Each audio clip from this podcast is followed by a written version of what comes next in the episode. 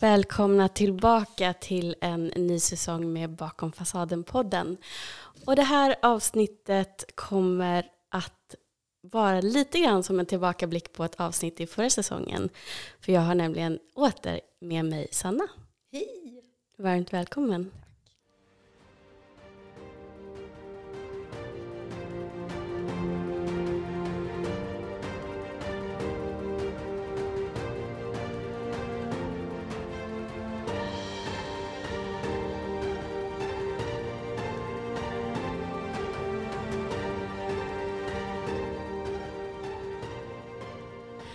Och förra gången så pratade vi om dating och det tänkte vi att vi skulle fortsätta prata om.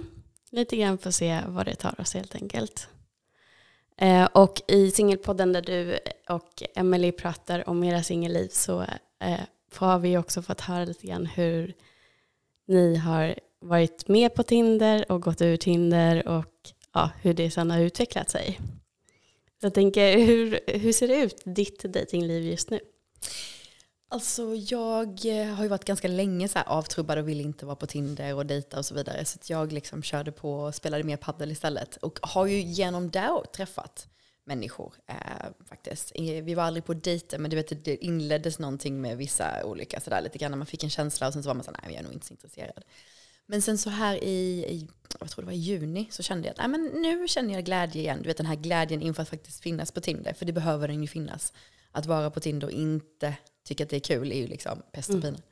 Så då gick jag ut och började liksom, eh, prata med lite människor och eh, var på en, jag har varit på en, en dejt hittills och det var med en kille som också spelade paddel. Och vi spelade paddel såklart på vår första dejt, eftersom det är min favoritsyssla. Eh, men sen fick jag reda på att eh, han hade någonting som jag kände var så här, nej men det här är inte för mig. Och då kände jag att det här är ingenting att lägga tid på. För att mm. jag, ser, jag är ute och dejtar nu för att jag ser någonting långsiktigt. Jag vill inte ha några korta relationer eller situationships eller vad allt det här kostar. nu vill jag liksom hitta någon som jag kan bygga med. Så, att säga. så därför är jag ganska liksom, selektiv i om jag pratar med någon och jag får en känsla, absolut. Men känner jag ingenting, liksom, då lägger jag inte så mycket tid på det. Utan då låter jag det liksom försvinna ut. Um, men jag tycker, det, jag tycker det är kul att prata med människor. Jag försöker swipa liksom väldigt brett och liksom försöka tänka bort det som jag brukade gilla eh, och liksom verkligen gå för det som är tvärtom kan man väl säga. Men också eh, det som jag, liksom, alltså men verkligen testa eh, nya eh, människor så att säga. Mm. Så får vi se vad det leder till. Ja, det är spännande att följa. Jag tänker att det, det du gör också där är ju som många lär sig utifrån en datingprocess vad man inte kan kompromissa med och vad man faktiskt är villig att kompromissa med. Och det kan ju ibland överraska en själv. Att man märker att ja, men det här kanske inte var så himla viktigt, till exempel sådana ytliga saker som att ja, men jag skulle aldrig kunna dejta en kille som går omkring i Birkenstock till exempel. Och sen så märker man att det är en skit i rymden liksom. När det handlar om att den här personen kanske delar ens värderingar. Vi skrattar, vi känner tillit. Eh, vi kan prata om saker som jag kanske inte kan prata om med alla och sådana saker. Att det, är liksom det är mycket, mycket viktigare. Ja men exakt. Och jag, jag kan säga att den här dealbreakern som var för mig, jag lägger ingen värdering i det, men han hade fyra barn. Mm. Och jag har ett barn. Och för mig, det livet jag ser framåt är inte ett fembarnsliv. Så jag kände direkt när jag fick reda på det att det var liksom så här för mig, äh, det kommer inte funka så som jag ser mitt liv eh, ska vara i framtiden. Mm. Och jag menar det är ju helt upp till var och en hur man vill leva sina liv. Men att ta in en man med fyra barn, det blir en väldigt annorlunda verklighet än vad den jag har tänkt mig framåt. Mm. Och jag tänker väldigt mycket på det här med hur vi väljer och att hur vi vill välja att leva våra liv. Att man verkligen lyssnar på det där liksom. Och det vet jag när jag läste att han hade det här, för jag googlade honom innan jag gick på dejten. Och då fick jag upp det här och så var jag så här, okej okay, hur ställer jag mig till det här? Och satte mig verkligen ner och var så här, hur känner jag för det här att det i så fall skulle vara en faktor? Mm. Så. Men självklart så gick jag på dejten. En, en och en halv timme på paddelbanan är ju aldrig liksom a waste of time. Eh, och han var väldigt härlig och väldigt trevlig. Liksom, så det var absolut inget fel på honom. Det var ju bara omständigheterna liksom, som gjorde att jag eh, inte ville träffa honom igen. Så att säga. Mm. Eh, så det var väl så jag kände. Var är, var är du i ditt dejtingliv? Eh, jag funderar mycket på just de sakerna. Eh, jag hade inte gått på dejt med någon som jag eh, såg hade så många barn. Eh, Och där kan man ju tycka att, men, tänk om det är världens bästa. Jo men då kanske jag blundar för mitt eget behov. Om jag märker att någon är jättehärlig och sen så blir det ett problem längre fram. Um, så att jag kanske tänker lite väl mycket på konsekvenser. till skillnad från vad jag gjorde tidigare. Men um, jag känner ändå att den stora skölden som jag har hållit framför mig i många år har försvunnit. Som jag berättat för dig tidigare också, att jag märker bara på små saker som när jag går på gatan att jag inte liksom stirrar rakt framför mig eh, utan vågar möta någons blick om de tittar på mig, en man då. eh, och att eh, jag känner mig mycket mer bekväm i mig själv och trygg i mig själv. Och det var väldigt viktigt för mig att nå dit överhuvudtaget innan det ens var aktuellt att dejta igen. Sen så är inte appar någonting för mig därför att när jag har fått grunna över vad det egentligen är jag attraheras av som fångar mitt, min nyfikenhet som sen kan bygga på ett genuint intresse. Eh, då är det sådana saker som man inte kan se på bild. Man kan se det på sättet som en person uttrycker sig. Jag tycker mycket om människor som kan skriva och uttrycka sig och ha ett brett ordförråd. Ehm, jag tycker om människor som inte tar livet allt för allvarligt. Men samtidigt så ska det finnas ett djup där bakom så att man kan liksom prata om högt och lågt. Man kan gå till en ganska djup och kanske ibland jobbig period och prata om det och sen växla till någonting roligt och börja skratta mitt i alltihopa. Att det är viktigt för mig att kunna ha det. Eh, och sen den här lekfullheten som ändå gör att ögonen gnistrar på något sätt. Det, det ser inte jag på en Tinderbild och sen är det ju också så olika hur folk tänker när de väljer sina bilder. Det är inte alltid det reflekterar heller. Så att jag har inte varit ute på Tinder eller någon annan datingapp på ganska länge nu. Jag minns inte när det var jag tog bort den. Um, utan jag tänker att jag förlitar mig på att ju mer jag lär känna nya människor och sen andra människor genom dem eh, så kommer jag ändå öppna upp det på något sätt. Du gjorde ju en otroligt modig grej häromveckan, eller var det någon månad sedan? Vi pratade ju om det. Du hade ju kontaktat, liksom gått in och börjat prata med någon på Instagram, visst var det så? Det var typ två månader sedan tror jag. Så var det, precis. Ja. Och det tyckte jag var så när du berättade för mig så var jag så här, gud vad modigt liksom att ha kontakt med någon på Instagram. Du började följa liksom något meddelande, eller hur var det? Ja, alltså det var inte alls med den intentionen egentligen.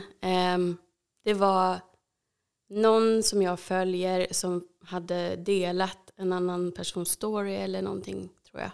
Som jag klickade mig vidare på. Och sen så märkte jag att han hade lagt upp en annan story på någonting som vi båda jobbar med som är ganska tråkig uppgift men som man måste liksom alltid titta på. Eh, varpå jag då la någon kommentar och sen började vi skämta om det.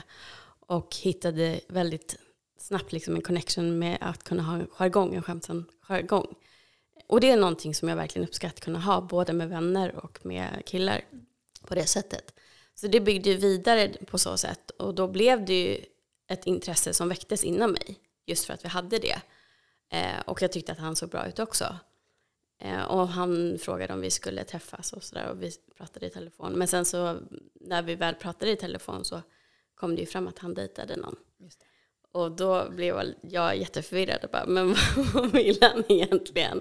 Och då kände jag mig igen som att jag gick tillbaka till så här, ja men nu är jag 17 år och har inte lärt mig hur killar fungerar.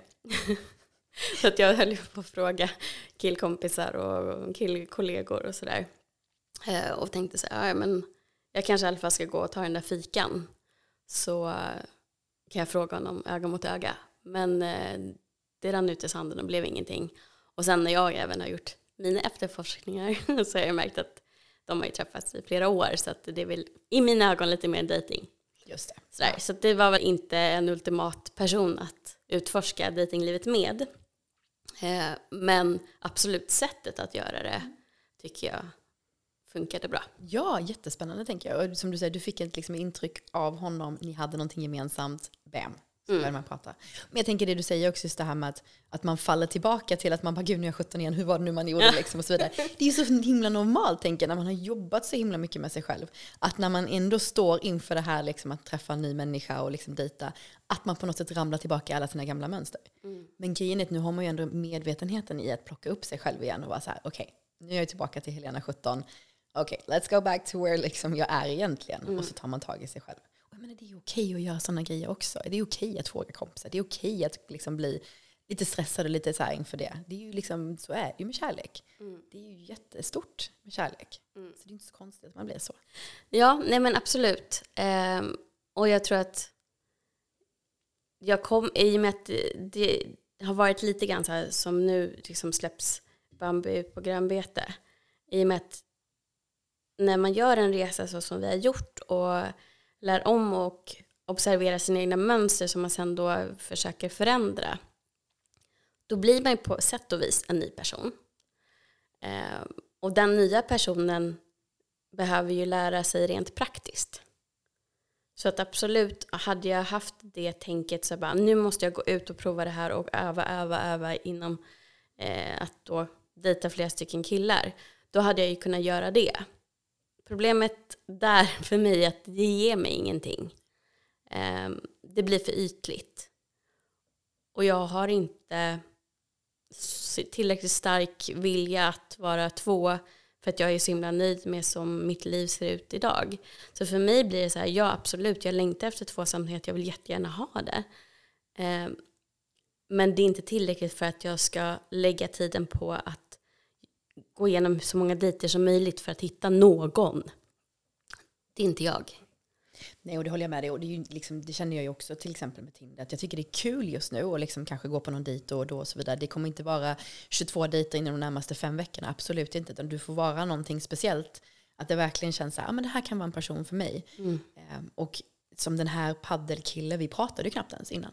Vi sa bara, det första han sa till mig, när spelar vi? Och jag var så här, jag bokar match direkt. Och det tyckte jag också var ett lite kul sätt.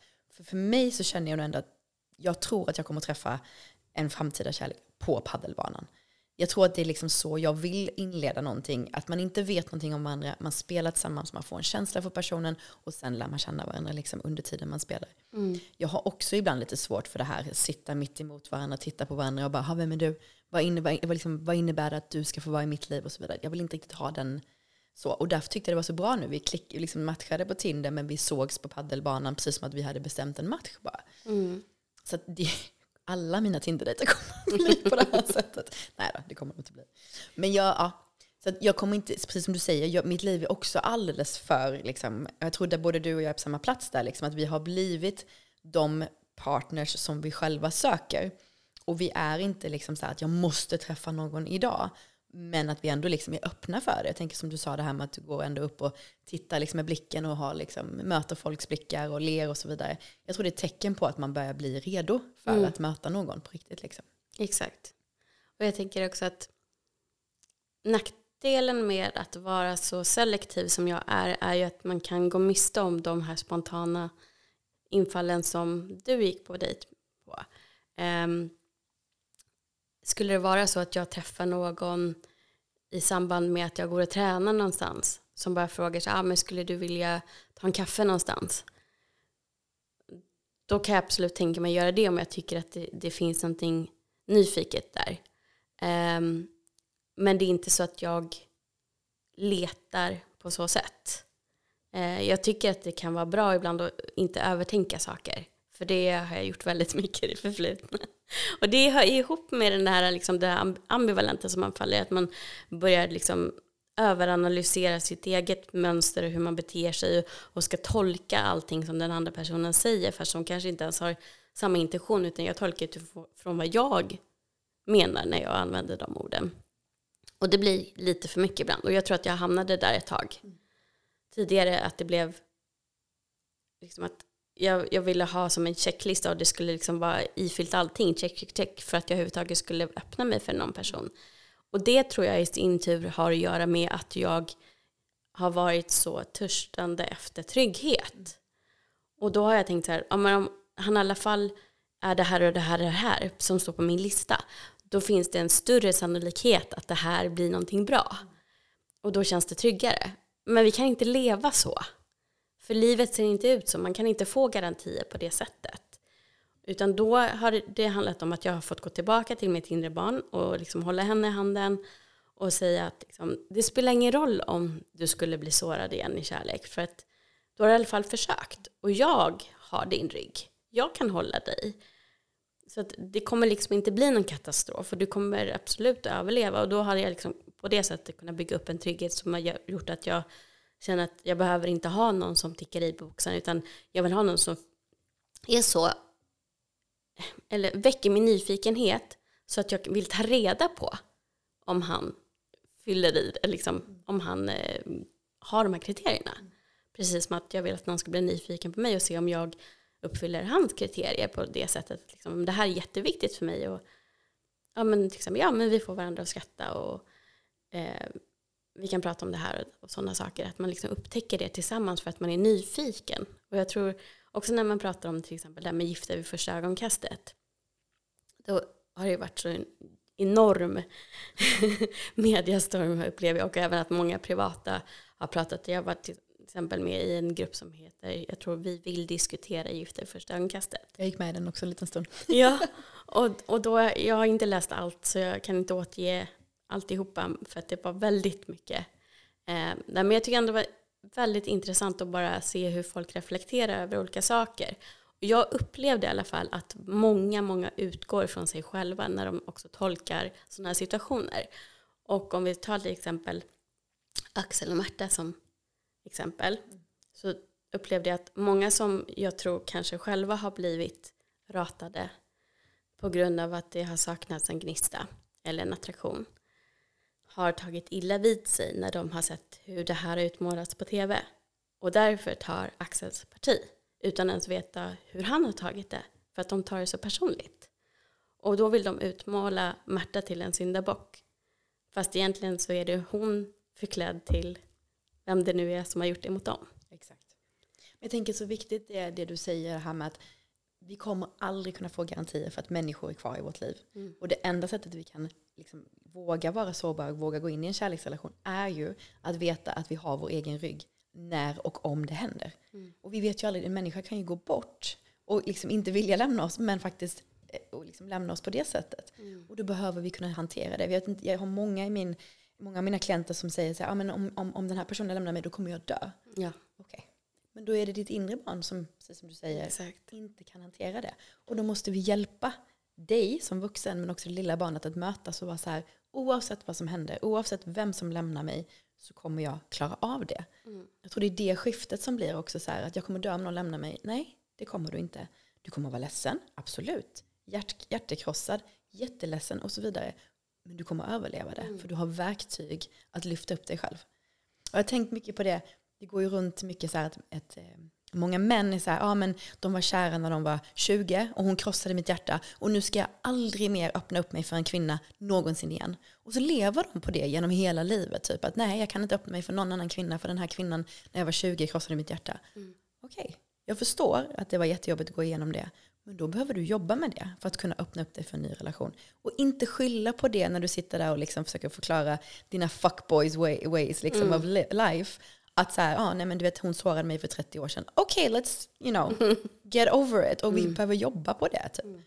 Och det är samma för kvinnor säkert, men jag tror att väldigt många män använder det som, eh, jag har träffat många killar som jag har dejtat som just haft den med sig. Typ, hon krossade mitt hjärta när jag var 20, jag kan inte öppna upp mig för någon.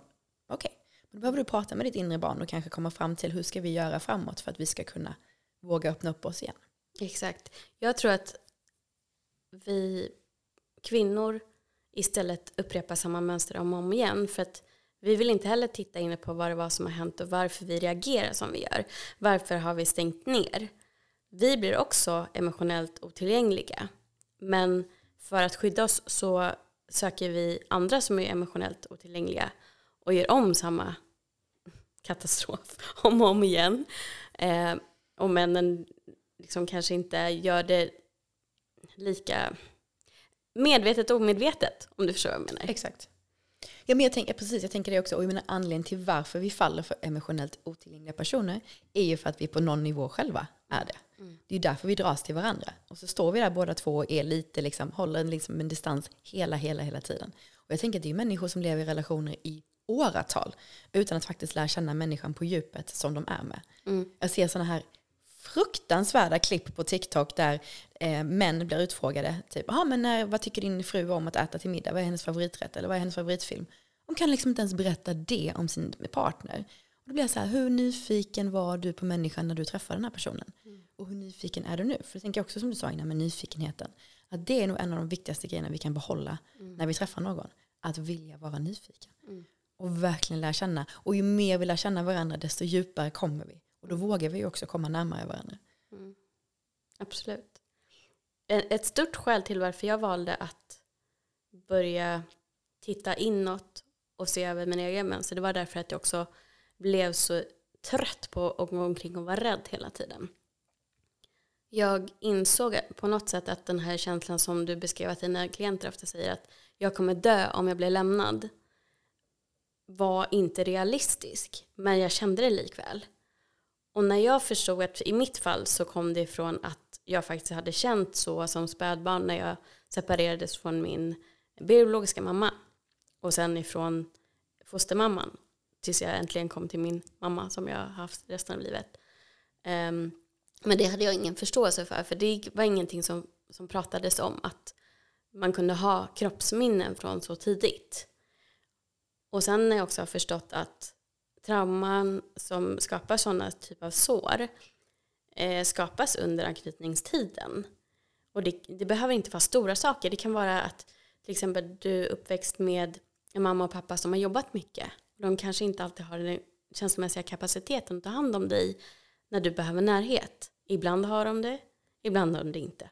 Alltså blir det ambivalent.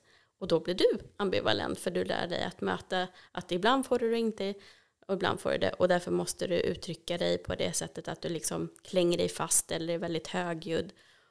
Och det är det vi tar upp sen och tar med oss i vuxen ålder. Och därför så blir det väldigt så här, men shit hon är så klängig eller han blir ju helt tokig om inte jag är där hela tiden. Jag orkar inte, jag får ingen, jag, jag kan inte andas liksom, jag får inget utrymme. Mm. Eh, och det är det som har blivit så himla skönt att känna lugnet nu när jag har jobbat på det och har majoritet trygg. Sen kommer jag alltid ha drag av liksom både det undvikande och det ambivalenta.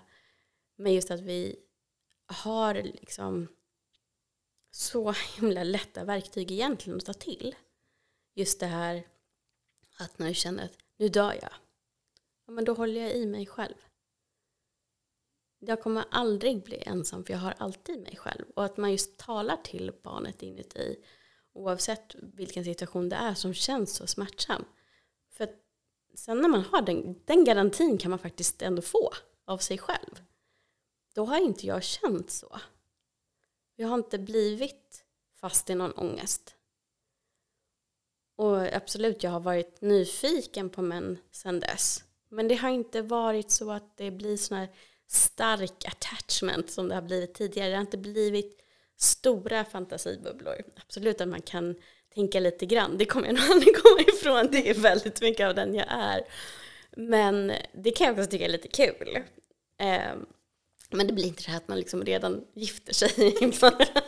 en dejt och sen är man gift och förlovad, jajamän hela vägen. Precis. Utan, ja, det är liksom men jag tänker det en trygghet där. Precis, och det är den tryggheten vi alla skulle behöva ha med oss. Mm. För då står vi mycket stadigare i det. Och jag tänker också, det är också någonting vi många gånger pratar om, så folk som kontaktar mig så här, jag har jobbat jättemycket på mig själv, men jag ramlar ändå tillbaka. Jo men vi har ju alla, vi har alla dragen kvar av det som en gång har varit. Mm. Och vi kommer trilla tillbaka och det är okej. Okay. Mm. Men skillnaden är att du är ju trygghet, trygg i dig själv att kunna dra tillbaka dig till att okej, okay, vänta lite nu här vad, vad händer i situationen? Låt mig liksom så här, känna av, känna in och så vidare. Mm. Och det är det som gör skillnaden. För innan som du säger så hade det kanske varit som en avgrund. Att du bara föll mm. och bara nu dör jag typ. Mm. Och för min del har det ju istället varit, jag har inte känt att jag kommer dö. Men däremot känner jag att ja, det är klart att den kommer lämna. Det är liksom min devis i livet. Det är klart att det inte kommer hålla. Han kommer försvinna, han kommer lämna mig. Och så har jag redan gått och, gått och väntat på det hela tiden genom relationen tills det faktiskt händer. För jag tänker också att det blir någon form av manifestation. Att så här, okej, okay, han kommer ändå lämna mig och då manifesterar jag den skiten och så kommer han lämna mig och så vidare. Och det är också någonting jag tänker som jag också förändrat i mitt tankesätt. Liksom just att Nej. Det blir kanske att jag blir stuck with this motherfucker för resten av livet. Att han faktiskt inte kommer lämna mig. Mm. Och den tryggheten tror jag är så här, det är ju det, är ju det jag också kämpar med i, med, i coachingen som jag verkligen vill få fram till mina klienter. Att om du hittar den tryggheten i dig själv så kommer du aldrig behöva söka den i någon annan. Du kan alltid stå fast i att jag klarar mig själv. Du behöver aldrig söka bekräftelse av någon annan, du kan ge den till dig själv. Mm. Du kommer alltid kunna säga till dig själv, okej, du lämnar mig, jätteledsamt, jättetråkigt, jag tyckte om dig. Men jag kommer kunna gå vidare i livet. Mm. Och Det det är en sån, bra. ja, exakt. Och det är en sån gåva att ge till sig själv. Att sitta här och vara så här, ja, livet kommer gå vidare regardless av vad som händer. Och nu pratar ju jag givetvis inte om när människor går bort hastigt, sådana grejer, för sådana grejer är ju Mm. jättechockerande Ja, det finns grejer. alltid undantag. Precis, men just det här med att man ändå kan hålla sig själv liksom i, i handen. Och jag tänkte på det också när jag rörde mig hit idag. En av sakerna som jag också har skett med mig sen jag liksom jobbade hårt med mig själv, att jag är så mycket i nuet. Alltså typ när jag vaknade i morse så var jag så här, okej idag ska jag åka till Helena, vi ska spela en podd, och sen ska jag åka till mitt andra jobb, jag ska göra det här. Och sen är jag bara här i dagen. Liksom. Jag tänker inte så mycket på morgondagen och så vidare. Medan för några år sedan så var jag ju, jag var ju alltid en vecka framåt och planerade och planerade och planerade.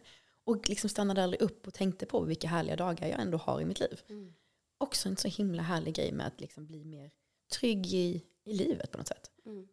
Eh, jag tänker att det här med att jobba på sig själv, som du sa att en del säger så här, men jag jobbar så mycket på mig själv. Det var ju det jag också tyckte att jag hade gjort.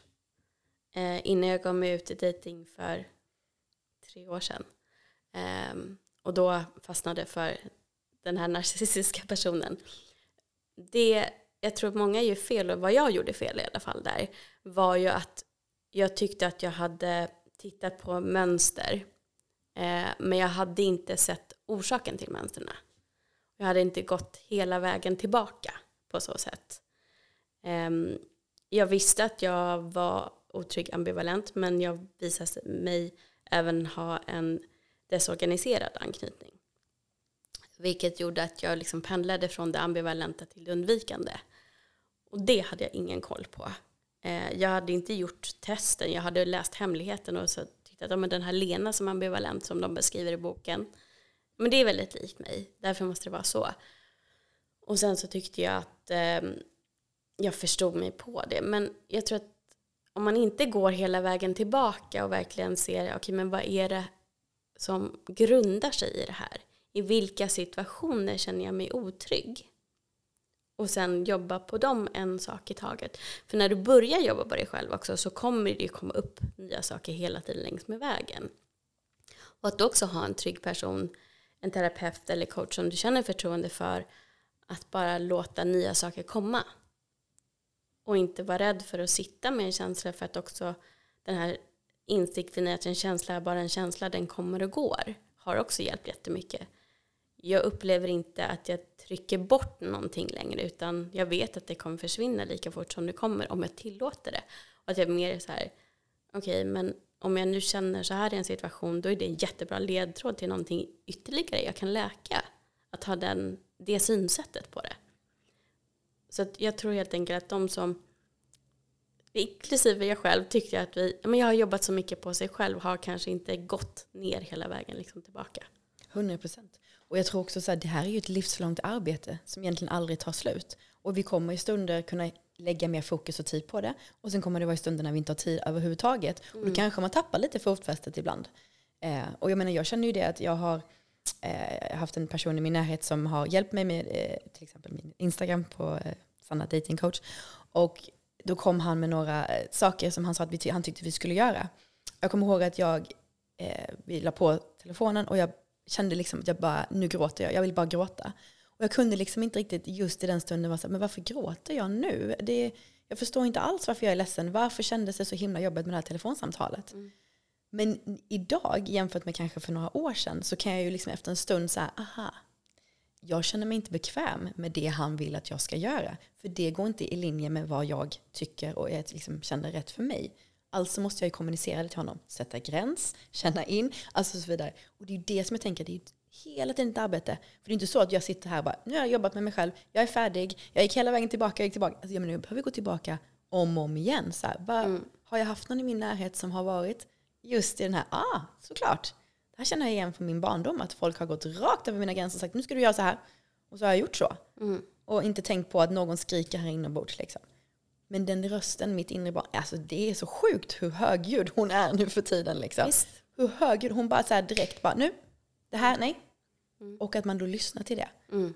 Jag hade, häromdagen hade jag ett samtal med en, en tjej som sa just det. Så, ja, men jag började prata med den här killen och så fick jag en känsla och så bara så, nej, men, nej men jag ska nog träffa honom ändå. Nej men så jag, varför, vad sa den här känslan till dig? Nej det tänkte jag inte ens på.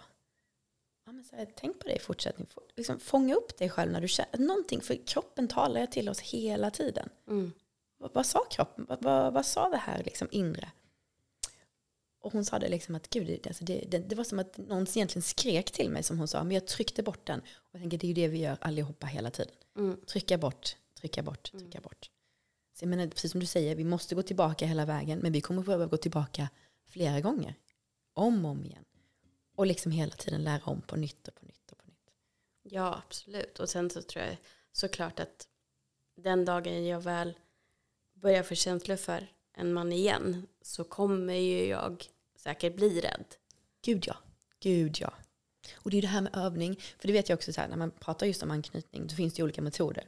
Tvärtom-metoden, okej jag gör alltid så här, testar vi att göra så här. Men det var faktiskt som jag lyssnade på eh, din podd där med eh, otrygg undvikande, pratade ni om då. Mm. Och just det här med att hur man läker en otrygg anknytning är ju att vara i en relation med en trygg person. Mm. Och det är inte så lätt att bara gå ut och bara, hm, kan vi hitta en trygg person här så jag ska bara öva mig lite grann. Så kan vi liksom så. Det funkar kanske inte riktigt. Men om man har turen att träffa en trygg person så blir det ju också ett sätt att läka. Eh, så det är ju också en grej man kan göra eh, i livet. Men det, det, det är en svårare grej att gå ut och göra. Liksom. Därför tänker jag att just att öva sig hela tiden på ehm, så. Men som du säger, det är självklart när man väl kommer till den där att nu börjar jag bli kär. Mm. Att alla delar av en kommer ju skrika spring, panik, jag vill härifrån och så vidare. Men där du är idag så kommer du kunna ta dig själv i handen och vara så här, okej men vi ska stå kvar i det här. Mm. Och också att du vågar uttrycka till den här personen. Mm. Jag är skiträdd. Exakt. Jag är jätterädd för det här. Mm. Och att den personen då kommer kunna hålla dig i handen också. Mm. Ja, för att jag tänker så här att ho- förhoppningsvis så kommer jag inte känna någonting för någon som inte har de här kommunikationsskillsen. Eh, skillsen. och då blir det ju också naturligt att jag säger att vet du vad, nu börjar jag känna jättemycket. Eh, det känns läskigt. Och att vi då kan prata om det som du säger. Och jag tänker också att för mig de senaste åren så har det varit ganska lätt för mig att ändå kunna placera folk i vilken anknytning de har bara genom att höra hur de pratar och hur de reagerar, se hur de reagerar på olika saker. Så att jag tror ändå om man dejtar på det sättet som du och jag ändå förespråkar det här att det går lite långsammare och att man lär känna en person så kommer man ju upptäcka ganska fort var den här personen är någonstans och just hur öppen den personen är inför sina egna känslor och andras. Och om det då är en trygg person så blir det ju mer om det är lätt uttryckt att de tar för givet att alla vill en väl. Eh, det blir inte så här misstänksamhet på det sättet och det blir inte övertänkande på samma sätt. Och då blir det också mycket lättare att kommunicera såklart. För att då sluter man sig inte in eh, för att skydda sig. Alltså de här skyddsstrategierna som sätter käppar i hjulet för relationer finns ju inte där hos en trygg person. Sen kan man ju såklart ha skyddsstrategier som fortfarande liksom kommer upp i vissa situationer men att man då har verktyg som att man bara berättar om hur det känns. Till exempel. Men jag tänker just att när man jobbat mycket med anknytning eller som man jobbar med det hela tiden, att man möter väldigt många människor som säger nej men jag har en trygg anknytning, jag, jag, har, eh, jag hade en jättetrygg barndom. Det för mig blir ganska så här, okej, vi pratar några minuter till så ska vi se hur du reagerar när vi pratar om dejting. Och det är inte för att vara elak eller någonting, men det är ju så, många människor är inte medvetna om detta. Och det är inte många år det har varit att vi har pratat om det. Eh, Verkligen. så att jag tror, och framför allt så tror jag det blir så, människor som har levt, och det tänker jag också när jag ser på Tinder, när jag ser män som skriver, ah, det var faktiskt en kille igår som kom upp i mitt flöde som var så här, eh, jag har varit i relation de senaste 15 åren så har överseende med mig. Och då var jag så här, wow. Han var kanske 35 säger vi. Så du var alltså 20 när du gick in i din relation. Hur har du koll på din anknytning? Alltså förstår du? Så där blev jag så här, okej men det, ja. Jag vet inte hur öppen han är. Han kanske är en trygg person, det vet jag inte. Men jag blev ändå lite så här att det är ju när, när vi kommer ut och dejtar som det blir väldigt liksom, eh, Mm. stökigt med vår anknytning. Det är där det oftast visar sig väldigt, väldigt starkt. Exakt. Och jag tänker, har man trampat på i samma fotspår så länge utan att reflektera över olika saker så kan det också för sig själv bli en enorm chock när man kommer ut i dejtinglivet. Och jag vet att jag, han jag dejtade förra sommaren sa också så här, ja men jag har glömt bort hur man gör. Eh, hur man gör. Du behöver liksom inte komma med några speciella repliker. eller How bara- doing? Ja, precis. Utan, egentligen det handlar ju bara om att två personer ska vara så mycket sig själva som möjligt så att man får en möjlighet att se varandra. Och det, det är liksom inte, man vill inte ha någon som ska vara liksom smooth och veta exakt vad man ska säga och köra repliker. Jag vill, det, då ser man inte vem han är. Så att det, det, det blev också lite konstigt. Så när jag då sa att jag inte ville träffas mer Oh, nej, jag har nog varit singel för länge, jag vet inte hur man gör. Hade ingenting med det att göra. Det handlade om att jag upptäckte genom att vi pratade om att vi hade väldigt olika värderingar. En av de viktigaste grejerna som man ändå behöver vara ganska nära i varandra. Ja. Men just också just att det kanske var hans ursäkt för att han var singel. Jag tänker ibland att folk är så här, men varför är du singel? Och så ska man då förklara sig varför man är singel. ja. Och jag tänker att många är så här, nej men du vet att jag är inte så bra på det här med datinglivet och så vidare. Liksom. Okej, men då kanske vi får bli bättre på det. Mm. Likväl som man går till padden och blir bättre på att spela padel så behöver man bli bättre på att dejta. Men jag tänker på det här med just med anknytning, hur viktigt det är att man har i alla fall ett hum om vad det är. För vi hade ju, hade ju med Louise Gustafsson från eh, Ja, Gifta i första ögonkastet Mm. i Singelpodden. Och då frågade jag så här, hur, hur var liksom uppladdningen inför det? ja, det reagerade jag på. Och då sa hon att de inte hade pratat vidare mycket Mm. om det alls. Och jag eh, kommer ju vara med här i Bachelor nu här i höst Mm. som datingcoach där jag fick eh, möjligheten att eh, coacha eh, några av tjejerna och eh, Bachelorn. Och där var ju heller inget så att de har fått gått igenom liksom, att prata om eh, anknytning och så vidare innan de kliver in i huset. Såna. Det, det finns liksom inte i de här tv-programmen. Och jag tänker att det verkligen skulle vara någonting att införa. Att man ändå får ett hum om så här, för jag menar tänk dig att gå in i ett hus med 23 andra tjejer och dejta en kille. Hur mycket känslor och liksom sånt styr inte det upp inom en? Man ska tävla med andra människor, man ska vara sitt bästa jag på tv, men vara sig själv och så vidare. Och så vidare. Att ändå få ett hum om så här, okej men du, du går lite åt det här hållet, du kanske skulle behöva jobba på det här eller tänka på det här och så vidare. Och det kände jag ju även när jag var där och träffade de här eh, personerna som jag fick eh, coacha då. Att man liksom nästan ganska snart kunde se så här, okej, du, du har kämpat med det här eller du kämpar med det här och så vidare. Eh, Så det skulle jag, om jag skulle ge någonting till alla tv-produktioner, så skulle det verkligen vara att införa det mer. Och jag trodde faktiskt med Gifta första ögonkastet, för vi hade även med Maria Färm i ett av avsnitten. Och hon pratade ju lite grann om att hon eh, eh, pratade om anknytning. Mm. Men Louise menar på att de inte hade pratat med henne om det.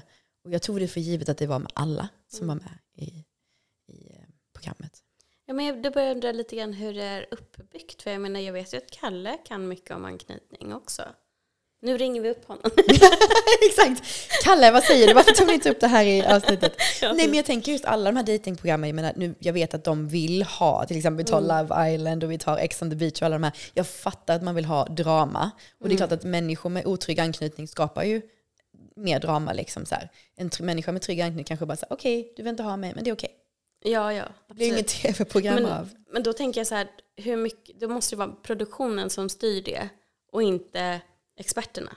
Då får inte experterna utrymme att göra det de kan egentligen. Nej, precis. Nej, för det vet jag när jag var, nu var med här på Bachelor, så sa jag hur mycket information får jag om deltagarna innan? Och det var ju inte så många för att de här eh, personerna valdes ut precis innan jag kom. Liksom. Eh, så det var ju inte så att vi hade liksom mycket mer tid. Men jag tänker egentligen så här, om jag fick skapa liksom ett framtida Bachelor eller framtida någonting annat så skulle jag vilja lägga till det just att man så här, okej men de här 23 tjejerna ska vara med, eller de här 25 killarna ska vara med. Alla fick ett, kanske ett coachingsamtal innan för att så här, hur ser ditt liv ut? Hur har din barndom varit? Hur reagerar du i den här situationen? Vad händer i dig om någon lämnar dig och så vidare?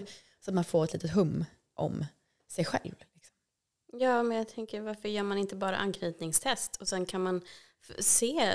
Jag, jag, jag har för mig det året när Maxine och Emil var med så fick ju de en liten en egen eh, produktion efteråt. Och då har jag för mig, för då tror jag att de bara hade Kalle med sig, att han just pratade om att Emil var mer undvikande och att Maxine var ambivalent och just hjälpte dem och stöttade dem i just de situationerna där det krockade. När han ville dra sig undan och liksom tog promenad i konfliktsituationer och hon blev jätte eh, ångestfylld av det. Vilket är ett typiskt, en väldigt, väldigt typisk situation i ja. sådana relationer. Så därför trodde jag även att man pratade om det i liksom huvudprogrammet så att mm. säga. Exakt. Jag tänkte faktiskt på det, jag såg en TikTok om just det här med att de otryggt undvikandes känslor blir oftast mer eh, tillgodosedda än vad den otrygga ambivalenta. För just kanske en sån situation som du så precis berättade om, att han säger jag behöver space. Och den andra bara, ja det enda jag vill är att prata med dig, men så måste hon då stå åt sidan för att han ska få sin space. Eh, och det tänker jag också kan vara en jättebra grej, liksom att så här, okej okay, men du som otrygg eh, undvikande, du behöver också förstå att du behöver tillgodose en person som faktiskt behöver mycket, eh, kanske närhet eller liksom just i sådana här situationer, att du kanske kramar om henne innan du går på din promenad eller alltså du vet sådär. Eh, och det är så himla viktigt att man vet det där. Jag tänker just att de, oftast är det ju så att en undvikande dras till en ambivalent och tvärtom. Mm. Och att man lär sig det om detta. Eh, och jag tänker så många relationer som skulle kunna bli så mycket bättre mm. om man hade kunnat det här. Mm. Men det vet jag, det är ett par i min närhet som de gör alltid så att om han behöver gå ifrån för att de är osams så säger han innan han går jag kommer tillbaka. Och då är det lättare för henne att låta honom få ta sin promenad runt mm. kvarteret eller vad det är. Också igen, jag såg en TikTok. Mm. det var en, jag menar, en tjej och en kille, de hade bråkat och så skickade han ett sms till henne på morgonen, han skulle till jobbet. Han bara, jag är fortfarande arg på dig. Mm. Jag vill inte att vi hörs idag. Men du vet att jag älskar dig och du är mitt allt. Och vi löser det här ikväll när jag kommer hem. Mm. Så den bekräftelsen gör ju att hon kan gå till jobbet, vara lugn i att visst han kanske inte vill prata med mig idag, han behöver lugna ner sig på sitt håll. Mm. Men jag vet att han kommer hem till mig ikväll och vi kommer lösa det här. Alltså den typen av kommunikation är ju liksom, det, alltså just det här med kommunikation, det löser ju så himla mycket. Och att lära sig att kommunicera och säga sina saker och så vidare. Och jag vill också bara lägga in att jag, jag kritiserar inte Gifta vid första ögonkastet eller Bachelor på något mm. sätt. Det är bara jag tänker att det finns ju saker man skulle kunna addera mm. för deltagarnas skull. Mm. Ja, och för att jag tänker ändå att alltså det som Louise berättade i det avsnittet var ju också att produktionen sagt så här, ja men nu kör vi, vi ska ha fyra stycken som håller. Eh, hade de tagit in det här redan i urvalsprocessen att de hade matchat antingen två trygga eller i alla fall två personer som de sen coachade till att bli mer trygga i relationen och liksom få hjälpa varandra framåt så tror jag ändå att det hade blivit ett mer lyckat resultat än vad det blev. Verkligen. Det tror jag också. Så börja med, med bara anknytningstest liksom, i urvalsprocessen. Ja men precis, och liksom ta till en coach eller liksom en terapeut och så vidare och bara några mm. extra samtal. Liksom. Ja. För att även om det här blir mer och mer vanligt att man har koll på, i alla fall att det finns, så är det inte tillräckligt. Vi måste fortfarande prata om det. Mm. Jag får ju fortfarande mejl när folk skriver så ja men kan du ta upp om anknytning? Och jag är så här, jag har haft en hel serie för två år sedan som jag nu represserar liksom, för att ni ska få höra det igen. Ja. Ja, men det vet jag också. Jag menar, jag, det märker jag ju på de som kommer till mig i coaching. Att det är så här, oftast bokar folk en, en, timme för man tänker att man ska lösa allting på en timme. Det gör man ju oftast inte. Utan jag har många som går en mång, lång tid och så vidare. Sen ibland så har jag de klienter som kanske bara så vill stöta och blöta. Mm. Att vara så här, men jag vet ungefär varför jag reagerar, men kan det vara så här eller kan det vara så här? Och så kanske man tar ett samtal och sen så tre månader senare så tar man ett nytt samtal. Så det är väldigt olika, men antingen går man liksom så här, var, varannan vecka, var tredje vecka och verkligen jobbar, jobbar, jobbar. Eller så har man lite så här, ja, men var tredje månad, var sjätte månad och så vidare. Um, och det beror ju på lite grann vad man är i sin resa. Mm. Men jag tror just det här att man bara får prata om det och sätta det just i, för det är som du säger, man kan läsa och man kan lyssna på poddar hur mycket som helst. Men när du får fullt fokus på dig med en person som bara fokuserar på dig och dina mönster, mm. då blir det en helt annan grej. Ja, det är, jag brukar ju likna det till en, vid en eh, upptäcktsfärd. Mm. Och det är inte alltid man kanske tycker att man har så mycket att gå på. Så att man är villig att, nu bokar vi upp tio gånger och djupdyker. Men de kanske känner så här, jag har säkert gjort det själv längs vägen, så att, men jag vet inte riktigt vad jag ska prata om. Och sen så åker man på någonting i ett samtal att oj, det här är värt att titta på. Eller så får man bara små ledtrådar som man tänker, ja men det här vill jag ta lite space och grunna på själv. Jag återkommer sen när man har då fått kanske komma fram till någonting på egen hand. Mm. Så man säger, ja, okej nu har jag kommit en liten bit på vägen men nu behöver jag igen någon som speglar och kanske ger mig bättre perspektiv eller fler perspektiv på den här frågan. Hur kan jag gå vidare? Att man då gör så. så men det finns ju inte ett rätt sätt. Nej, absolut inte. Och just som du säger det här med att eh, nio av tio av mina samtal jag har så är det så här tio minuter kvar av samtalet, då kommer det här. Som ja. vet. För då har man kommit in i samtalet, man känner sig bekväm, man börjar prata på och helt plötsligt så kommer man in på det här som man bara, ah, det är det här som vi skulle behöva grotta i. Liksom. Mm. Och därför brukar jag alltid, vi brukar alltid boka ett samtal och så känner man av varandra. Men de ska ju känna på mig också. De ska ju känna förtroende för mig. Mm. Att vilja sitta och prata med mig. Att jag kan liksom locka fram det här som vi behöver jobba på. Och sen kanske man då, jag brukar köra fyra sessioner åt gången. Att vi, så här, vi kör fyra sessioner så känner vi efter. Behöver vi fler? Absolut, kör vi vidare. Så man inte känner att man bokar upp sig på två års tid och så bara, okej, okay, nej, det här behöver jag inte. Utan så. Um, men det är väldigt intressant det här med just när man, som du säger, så här, jag vet inte vad jag ska prata om. För jag tror väldigt många, och det kände jag själv, jag var hos en coach här för, nu, för några veckor sedan. Jag var så här, varför bokade jag ens det här? Vad har jag ens att prata om? Liksom? Mm. Och sen när jag kom dit så var det bara så här, bara, liksom. Så att jag tror att om man känner sig, jag vet inte vad jag ska prata om, jag är ändå nyfiken på coaching. Testa ett samtal för att oftast så kommer det under den här timmen komma fram rätt mycket mm. spännande saker. Mm. Mm. Ja, absolut. Och jag tänker också att även om man är i ett sånt här mellan vad ska jag kalla det för, ja, men där jag är just nu. Det är egentligen liksom, jag har lugnt och tryggt inombords men jag inser att det kommer komma en ny prövning när jag väl ger mig ut i det här igen. Och jag vet att jag pratade med Kalle Norvald faktiskt just om det här också att när jag väl träffar någon igen att, att redan när man har bestämt sig då när man har blivit lite trygg i förhållandet, när man har valt varandra att då också gå i terapi tillsammans för att få ännu bättre verktyg till att verkligen bygga på relationen och förstå varandra utifrån då någon annans perspektiv som också kan relationer.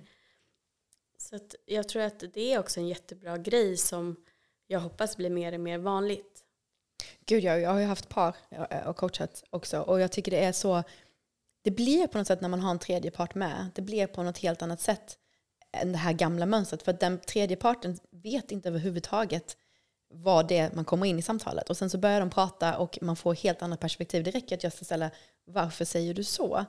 Och de ska förklara sig och när man får det tillbaka så blir det så här, ja varför säger jag så egentligen? Jag, det, alltså det blir en helt annan dynamik. Mm. Så det tycker jag också verkligen, och det tänker jag också för min egen del att den dagen jag träffar någon som jag vill bygga med, då ska vi bygga med en tredje part. Liksom. Så att vi verkligen kan få in det där att förstå varandra. Mm. Och inte att man tidigt fastnar och inte kommer vidare bara för att man inte har just det synsättet som någon annan tredje part då kan ge en. Utan, men till exempel då om man tar liksom en ambivalent och en undvikande som kanske just fastnar vid det här gång på gång och så blir det ännu mer konflikter och den ena sticker och den andra sitter där och har grov ångest. Liksom. Det är så onödigt när det finns lätta verktyg som att till exempel säga jag kommer tillbaka eller som hör av sig, ja, men jag, vill, jag behöver få tänka själv nu men vi hörs då och då, bara sätta en tidpunkt för att vi kommer höras igen, det här är inte en person som lämnar mig. Att då få läka tillsammans, det är ju jättefint. Exakt. Jag gick ju i, eh, med, innan jag och min exman skilde oss så gick vi också lite i, i parterapi för vi hamnade i sådana bråk hela tiden. Uh, och jag, där i, i, vår relation så upplever jag mig själv som den undvikande och han var mer ambivalent. Och jag var den som ville liksom försvinna ifrån när vi hamnade i det där och han höll stenhårt kvar mig liksom i att vi skulle fortsätta. Och då sa hon till mig, eller oss, att vi, ni behöver säga ett ord, mm. att så här, stopp eller röd eller vad som helst. Mm. Och då får ni inte säga mer, utan då är det så här, ni behöver inte gå därifrån, ni behöver liksom inte lämna eller så, men ni får inte säga mer, utan ni ska lugna ner er i tio minuter och sen återuppta samtalet. Det var skittufft. Mm. För att du vet när du är i det här modet att jag ska minsann förklara min sak, jag ska, mm. ska få höra. Så han bara, nej stopp. Och man bara, vet, men det, tänk vilken skillnad det är när man har gått lugnat ner sig tio minuter. Mm. Alltså det är ju en helt annan dialog som är, blir av. Mm. Um, så det är ja, tips man kan ta med time sig. Out, time ja, out. Men alltså, verkligen. Och det är som vi ger till barnen. Många ger ju sina barn time-out liksom, för att de ska lugna ner sig och så vidare. Det är ju att det blir en helt annan diskussion. Mm, fast det lät inte alltid jag tror inte, nej, jag tror inte att det är time-out för barn, det gör jag inte. Nej. Men för vuxna mm. människor så tror jag vi behöver det faktiskt. Ja. ja. faktiskt för att vi lär, eh, jag kanske ska förklara varför jag inte eh, är med på den. För jag tänker annars kan man få massa föräldrar på sig. Mm. Nej men det är väl det att eh, man lär barnen då att de inte får känna sina känslor. Och att man inte kan hantera deras starka känslor. Yes. Så det är därför man inte ska ge dem timeout. Nej, och det, min son är väldigt bra på att själv ta timeout. När han blir arg på mig så säger han nej, nu vill inte jag prata med dig mamma, så går han in i ett annat rum. Mm.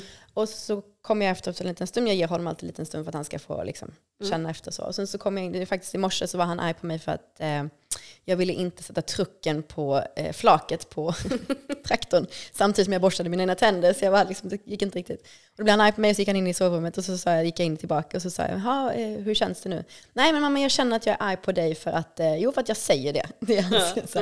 och då tänkte jag också just så här, okej okay, men om han behöver ta den stunden och gå in och liksom samla sig mm. för att känna efter, absolut. Men jag skulle aldrig liksom säga, nu går du in där och in och du time out, känn ingenting, du bara stå där inne och känn skam typ. Liksom. Ja. Absolut inte. Nu lät det väldigt hårt, men det, nej, det, nej. det är lite så ibland jag känner mm. när folk blir så här, nu ska du ha time-out och liksom mm. så. Mm. Uh. Men det är säkert så det känns, mm. kan jag tänka, för barnet om man får höra så. Mm. Och att jag, jag får inte uttrycka mina känslor. För det märker jag också på barn i min närhet att det kan kännas, om man säger ifrån, bara, nej men gör inte så. Mm. Så kan det bli väldigt skamfyllt. Och att vi då har varit väldigt noga med att säga så här, men det gör ingenting. Anledningen till att vi sa nej är för att vi var rädda att du skulle göra illa dig. Exakt, förklaringen. Ja. För den tror jag tyvärr att, i alla fall min föräldrageneration har alltid varit så nej, gör inte så. Mm. Gör inte så. Mm. Okej, okay, varför inte? Man har ingen aning, som barn vet du mm. inte varför, du förstår inte och antagligen är det för att det är fel på mig. Jag ja. gjorde någonting fel och så säger man det till sig själv hela tiden, jag gjorde fel, jag gjorde fel, jag gjorde fel. Mm. Jag är fel alltså. Ja, precis, exakt. Man tolkar det så. Ja. Vi hade faktiskt en incident där med, som jag upplever med kanske min föräldrageneration, just att eh, min son är lite rädd för att klippa håret. Och eh, min pappa har ganska svårt att förstå det. Liksom. Så det väl bara klippa håret. Så men, men han känner ju massa när det mm. klipps hår. Och jag tror ibland att den, den generationen som är mormor och morfar idag, de har så svårt för det här att känna känslor hela tiden. Ja. För de har aldrig jobbat med det. Det var aldrig någonting som fanns när de jobbade, eller växte upp och liksom mm. när de var föräldrar. Mm. det var bara så här, nu ska vi köra på, det finns mat på bordet, du har kläder på ryggen och det är liksom det du behöver. Vilket har varit fantastiskt. De har gjort det bästa de har kunnat utifrån sina förutsättningar. Men vad vår generation här nu tror jag, för min del kommer det vara det absolut viktigaste för mitt barn. Såklart att han ska ha kläder och mat. Mm. Men att han just går in i sovrummet och han säger till mamma, mamma jag känner att. Alltså när han säger den meningen, jag bara, alltså gud för mig. Ja, alltså verkligen. när han använder det ordet så blir jag så här, känn, bara känn så mycket du bara kan. Ja, så. ja verkligen. Mm. Det är en gåva som vi ger till nästa generation. Och det vill jag med genom mina coaching sessions, att vi ska ge till oss själva också. Mm. jag tänker på just det här som du sa, att du träffar den här killen och du bara, men jag vill ju bara att vi ska vara oss själva. Mm. Det är en av de svåraste grejerna som folk upplever. Mm. Att vara sig själva. Att se sig själv och vara så här, men jag är en fantastisk människa som jag är. Med mina flaws och allt jag har och allt jag kommer med. Mm. Men det är, nu är det här min upplevelse. Så inte allt alltså. Han var tio år äldre än mig. Um, jag upplever att de är lite mer set in their ways. Yeah. jag har mestadels dejtat yngre. Mm. Och det här var också ett sätt för mig att försöka göra någonting annorlunda. Men jag tror inte att det alltid behöver betyda att man ska göra annorlunda för att det ska bli bättre. Uppenbarligen så funkar jag bättre med yngre killar. Och det är ingenting som egentligen har varit fel. Det som har hänt som när det har gått fel har ingenting med deras ålder att göra. Och jag menar han senast han var ett år yngre. jag kan liksom inte skylla på, på det där. Eh, men så där, där har jag gått tillbaka till att nej, men jag ska nog vara med en yngre kille. Vår energi passar bättre. Jag upplever att de har lättare att prata för sig själv. De har ett större eh, känslomässigt intellekt. Liksom, på, det, på så sätt. Um, men sen finns det ju de som jag har träffat som liksom vaknar upp i 40-50 års åldern och blir väldigt nyfikna på sina egna känslomässiga mönster och, och sin känslomässiga mognad helt plötsligt väcks till liv och, och liksom får näring. Så att det finns ju som sagt alltid undantag. Såklart. Men jag tänker vi ska avrunda lite grann. Jag är bara lite nyfiken på nu i den här datingprocessen som du är i och sådär. Om du skulle kunna nämna tre saker som du känner är, är must have och tre stycken saker som du cannot with. tre, tre saker som en framtida kille till mig Ja. skulle vilja, behöva ha. Ja, som du ändå har liksom upptäckt att det här har jag lärt mig om mig själv. Att det här måste jag ha i en framtida partner. Det här klarar jag inte av. Ja, men barnasinnet. Jag behöver någon som är goofy och som kan liksom släppa loss. Och jag har ganska mycket själv, självdistans själv. Eh, Och jag känner att jag behöver någon som kan liksom ta ett skämt och vara lite så avslappnad i det och göra bort sig och inte liksom dö på kuppen. Eh, och jag tänker, där kommer ju TikToken in väldigt mycket. Jag ser så många par som liksom gör TikToks ihop. Och det tror jag har liksom verkligen satt sig med att han behöver ha ett barnasinne och kunna liksom bara så här, den här TikToken, den kör vi och gör det direkt. Liksom. Mm. Dejtar många killar som bara, alltså aldrig i livet jag skulle stå framför en kamera sådär. Okej, då vet jag var du är någonstans. Liksom. Eh, så, och humor går ju lite grann in i det där goofy tror jag. Mm. Eh, och sen så självklart nyfiken på personlig utveckling, alltså just det här med som jag själv är så himla nyfiken på. Jag vill kunna diskutera det här med en, en partner och liksom ehm, att han också vill så här, men jag vill också gå i terapi och liksom så här, det där djupet att liksom jobba på det på något sätt. Ska jag behöva säga paddel? Nej men framförallt, jag tror så här just att, att vi har gemensamma intressen. Eh, just det kanske som, så som jag lever så skulle jag vilja inkorporera honom i mitt liv på något sätt. Och om vi då har gemensamma saker så är det klart att det eh, hjälper. Jag frågade en killkompis igår, jag bara, gillar du, eh, vad heter det, roller, vad heter det? Eh, berg och sånt. Han bara, absolut inte. Jag bara, okej vad tråkigt. För det där är ju någonting jag älskar till exempel. Också mycket sånt gemensamt tänker jag, som man ändå har lite samma eh, livsåskådning. Jag tänker det här när man pratar om att man ska hitta en partner så är det ju värderingar, självklart. Eh, en livsstil, ganska liknande liksom.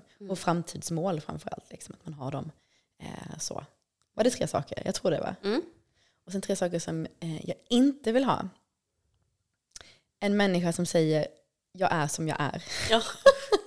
Det går inte, vi behöver utvecklas. Och när jag säger att jag vill träffa någon som jag vill växa med så handlar det om att vi vill växa som person men också växa ihop. Liksom. Eh, och då tror jag att när man säger att jag är som jag är så blir det väldigt svårt. Eh, för då vill vi inte växa.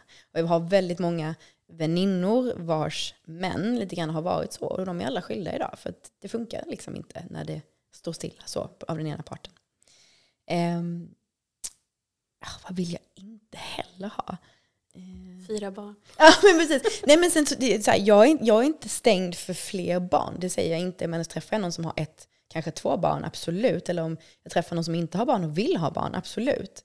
Men för mig att få en person med fyra barn, det blir liksom en fembarns eh, semesterresa till, du vet, det kan ju, alltså både ekonomiskt och så här, tidmässigt blir det ju ganska tufft. Liksom, så så det, det finns ju de dealbreakersarna, liksom, så här, att, eh, att, att kanske inte ha för många barn. Och jag lägger ingen värdering att man har träffat, att skaffat många barn, för det är ju vad han vill uppenbarligen. Men det, där matchar inte vi ihop så. Liksom. Eh, och sen, jag tänker ibland på det här med livsstil, för jag tänker att många är så här, men ska du inte skaffa hus? Och så här. Jag är nog ganska mycket lägenhetsmänniska och leva lite cityliv-aktigt så. Ehm, så det är väl också någonting som jag kanske inte vill ha. nu. Många killar skriver det på Tinder, typ. Jag har ett hus eh, på landet och det är där jag vill gå runt och påta i trädgården, typ. Och jag bara, ah, nej, absolut inte. Jag är inte så, liksom den här husliga på det sättet. Så, så att, ja. Där har vi det. Ja, Som ni passade in här. exakt. Vill ni dejta mig så kan ni... Nej, jag skojar. Så länkar jag i beskrivningen. Eller om ni känner någon som passar in på de här kriterierna. Exakt. Kan ni kontakta mig på Sanna Dating Coach? Det blir tufft för jag kommer mycket frågor om anknytning. Gör en ny e-mailadress till dejtingheten. Exakt. Ja, fy fan. Ja. Ja, nej men jag tycker bara att det är, det är intressant att höra. Jag tänker också att de som lyssnar kan försöka sätta tre stycken eh, som alltså de vill ha och tre stycken funkar inte grejer för sig själva. Bara för att få en tydligare bild av vad det är de söker. För det är jättemånga som inte har koll på sina egna behov och därmed inte vet vad de söker. Exakt. Och det vet jag när jag var med i Bachelor här nu som kommer här i oktober. Så jag hängde rätt mycket med Kristoffer då, en av bachelorsarna. För det var han jag var med och coachade. Och vi pratade väldigt mycket mellan så här, så här, vad är det du söker typ så här. Och då var vi ändå in, så här, 20 avsnitt in i inspelningen. Han bara, nej men alltså du vet att jag tror att det är så här, men sen du får vi bli tydlig med vad du söker. så att du verkligen väljer rätt tjej på slutet liksom. Och jag tänker det är väldigt många gånger när jag frågar också klienter, så här, vad är det du söker, vad vill du ha? Jätteluddigt liksom. Och vi måste bli tydliga med vad vi vill ha. För vi, då vet vi precis när den kommer tror jag också. Att så här, här är han, här är han ju. Eller hon. Så att, ja. Bra There fråga där. Det tar vi med oss från detta avsnittet. Tre som vi vill ha, tre som vi inte vill ha. Och våga stå kvar i det där. För det tänker jag också så här, man, man träffar någon, som till exempel den här mannen som jag träffade. Han var fantastiskt fin, den djupaste rösten, jättefint skägg, han var snygg, vältränad, skitbra på padel. Liksom. Han hade jättemycket kriterier. Men om jag går emot det som jag inte vill ha, hur kommer det, precis som du sa i början, hur kommer det bli då? Jag kommer ju sitta och hata mig själv om fyra år när jag sitter där på eh, Bamseklubben, liksom ner på, pff, vad heter de här, Kreta säger vi. Mm. Eh, och liksom så här, det, var, det var inte det här livet jag ville leva. Mm. För det tycker jag också man hör många gånger som folk skriver. Jag var inne på kärlekspsykologerna på Instagram där de hade frågat så här, hur är ditt parliv just nu? Och många som svarade, det var inte det här livet jag ville leva. Mm. För att man gjorde val i början som man, man gick emot sig själv och sina Eh, tankar. Och kanske också för att man inte riktigt visste vad man ville. Så vet vi vad vi vill ha så kommer vi också skapa det livet vi vill leva och inte sitta sen om 20 år och bara så här, det var inte det här livet jag ville leva. Exakt, jätteviktiga ord som vi låter följa med nu ut i dagen och grunna över. Det är, det är jätte, jätteviktigt och eh, jag hoppas verkligen att ni tar er, de orden till er helt enkelt. Tack snälla Sanna som har varit här och gästat igen. Det har varit jätte, jättekul. Nej, tack för att jag fick komma. Så kul. och tack som vanligt till dig som lyssnar och har åter följt med in i en ny säsong av Bakom fasaden-podden. Som vanligt så länkar jag kontaktinformation till Sanna och till mig själv i beskrivningen. Så hör jättegärna av er. Och som vanligt, tills vi hörs igen, ta hand om dig.